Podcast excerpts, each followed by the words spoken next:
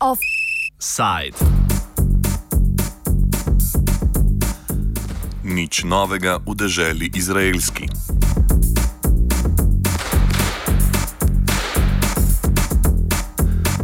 Na izraelskih volitvah je zmago zopet žel dosedani predsednik vlade Benjamin Netanjahu.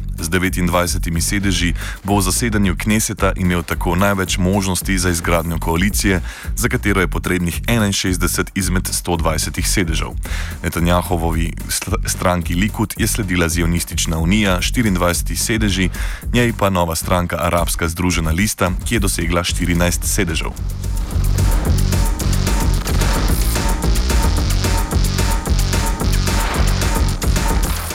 Spomnimo, da so bile povod za predčasne volitve nestrinjanja znotraj Netanjahove koalicije o proračunu in predlogu pravne opredelitve Izraela kot dežele judov. Spor je tedaj rezultiral v odpustitvi finančnega ministra Jairja Lapida, sicer vodjo stranke Ješatit in pravosodne ministrice Cipi Ljuni, katere stranka se je na tokratnih volitvah pridružila levo-sredinski zionistični uniji. Nekateri politični analitiki so upozorili tudi na izraelski hajomski zakon kot eden izmed razlogov za predčasne volitve. Ta je namreč prepovedal ponujanje brezplačnih tiskanih medijev, kar pa je bilo eksplicitno usmerjeno v pronetanjahovskih časopis Izraelski Hajom, ki je bil edini brezplačnik. Zaradi ostre zakonodaje o neposrednem financiranju političnih strank je izdajanje strankarsko naklonjenega časopisa namreč ena od osrednjih oblik tako medijske kot finančne podpore. Več o zakonu in razlogih za predčasne volitve, Seth Franzman, novinar Jeruzalem Posta.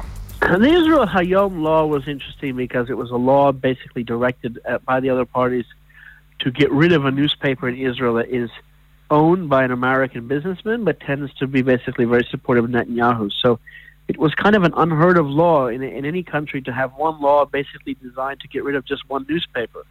And I think that obviously that made Netanyahu unhappy with his coalition partners, but it was not the only, I think it was not the only issue. I think Netanyahu was trying to act strategically and thought that he will do well in the elections if he could get rid of them uh, or or basically make Lapid weaker, and I think that he has succeeded. So, in terms of this Jewish state law, I don't think Netanyahu was ever particularly enamored of it. The Jewish state law was something that was, in fact, had originally been something that the some members of the Yair Lapid and the centrists and even the Tzipi Livni camp were, were also interested in. So, the Jewish state law was basically failed. I think that Netanyahu had no no real love of it anyway. I don't think it mattered to him that much. Politični boj se je v zadnjih etapah pred volitvami osredinjal okoli dveh največjih strank. Okoli stranke Likud, katere vodja je Benjamin Netanjahu, in okoli že omenjene zionistične unije z Izakom Hercogom na čelu. Ideološke razlike so bile seveda razvidne v sami retoriki kampanj. Zionistični unici so propagirali predvsem spremembo in mir, medtem ko je uspelo konservativni desnici skonstruirati podobo Izraela, ki je mobilizirala določen delež sicer pasivnega voljivstva. Likud je skratka igrala protimirovne melodije in upodabljala borbeno stanje judovske izolacije skozi nacionalni ponos. Kako ekstremistična je bila njihova retorika, pojasni Samara Abed. Yeah, that, uh, that campaign was uh, directed mainly to the extremists, to the uh, Jewish extremists, to the settlers, and to the right wingers in Israel. Uh, and it was full of, uh, uh, uh let's say, uh, some kind of racism against Arabs because he was referring to the Arab parties that the, the Arab citizens of Israel are intensively voting, so the, the, the Jews should retaliate uh, in voting, and this was considered by uh, by observers and by everyone that it is uh, some kind of racism because the the, the Arabs are also uh, Israeli citizens. Uh, the campaign was uh, also trying to show that the Israelis are under siege and that the international community, the Europeans, the America, and the Americans are against the right wing, so that the Israelis should vote for the right Uh, in order to uh, react to this uh, uh, position by the, the, the, the, West in general. So uh, these are the, the main two issues that characterize the, the, the campaign of the Likud party. To občutljivo stanje terja močno očetovsko figuro, katero se je trudil prikazati Netanjahu, ki je v kampanji nastopal zelo ostro in odločno, predvsem proti Iranu in Palestini oziroma Hamasu z dodatkom zastraševalnih scenarijev. Morda je bil ravno to eden izmed ključnih razlogov, zakaj na volitvah ni slavila Zionistična unija, kakor so napovedovale javnomnenjske raziskave in ankete. Zakaj je šla zmaga ponovno Netanjahuju in ne Zionistom, interpretira tudi Samara Abed. Uh, the, the, the, main thing is that uh, uh, he was uh, using some personal issues and some lies also against the other uh, competitors, and he was too, uh, let's say, too tough in. in, in, in talking about the, the, issues that Israel is facing, mainly Iran and Hamas. so he was uh, Uh, let's say, uh, playing on the populist uh, issues uh, and on, on, on, frightening the Israelis of uh, Iran, Hezbollah, and Hamas.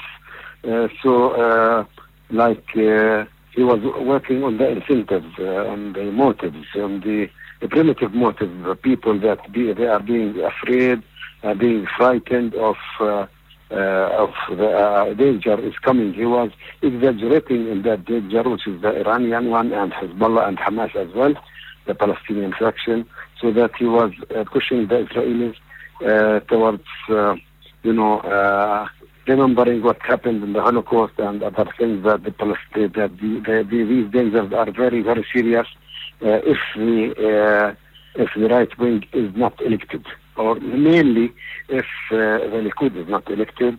So they will be in more danger because the left is going to give concessions to the Palestinians and to and uh, also uh, to the Iranians.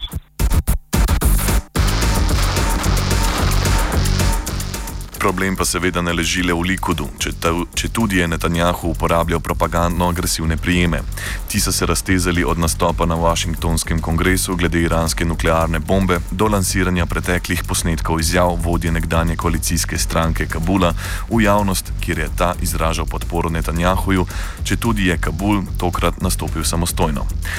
Težava v programih strank pa je bila predvsem odsotnost dejansko perečih problemov, ki pestijo Izrael. Ta namreč od 90-ih let dalje beleži močno naraščene ekonomske neenakosti, prav tako pa se je v zadnjih petih letih cena kupovanja ali najemanja bivanskih objektov podvojila.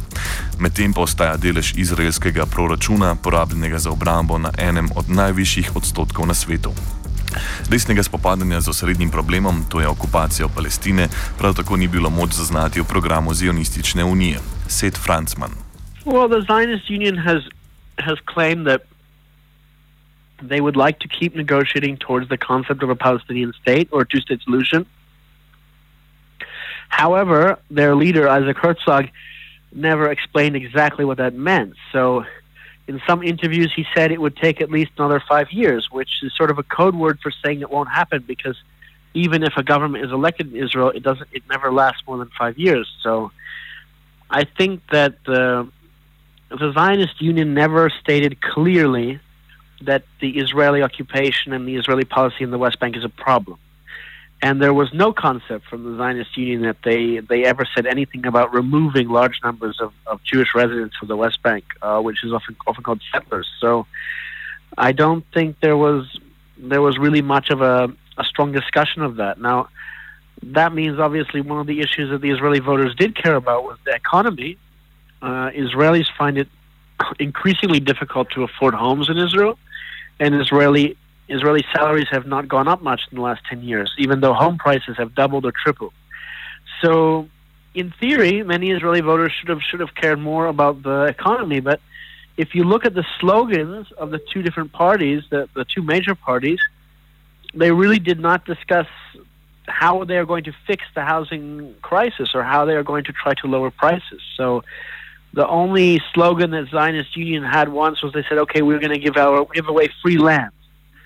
But when you actually ask them, what does that mean? They said, oh, well, we're going to give land to developers and the developers will sell it. Well, that's not free land. That's, that's someone's going to make money off the land. So I think it was a very chaotic election without very much substantive discussion of, of how to fix the existential problems. Novost na tokratnih volitvah sta bila le arabska združena lista in že omenjeni desno usmerjeni Kabul, tokrat z desetimi sedeži. Prva je združenje islamistične, nacionalistične in komunistične stranke, ki so se povezale na vkljub ideološkim razlikam zaradi naraščajočega izraelskega rasizma in nedavnega zakona, ki je povišal prak vstopa stranke v parlament na 3,25 odstotka, s čimer so se manjše stranke morale združiti, ako so hotele politično preživeti. Nadaljuje Set.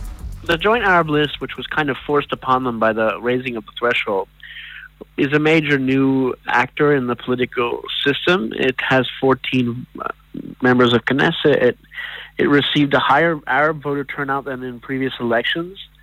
But the question is if it will be able to play any role or have any influence. And um, I think in general, you will find that the other two parties will basically ignore the Arabs, which is what usually happens. So they are a diff- they are a new thing. The other new face we see in the Knesset is Moshe Kahlon's new centrist party, which is called Kulanu, which is a new a new centrist style party similar to what Yair Lapid did last time. And Moshe Kahlon brings brings with him a lot of expertise and a lot of interest in the economy. So that is another slightly new face we'll see. Tovrstna ideološka brlekija prisotna tudi pri arabski združeni listi, ima negativne posledice pri jasni artikulaciji še kako potrebne socialne politike.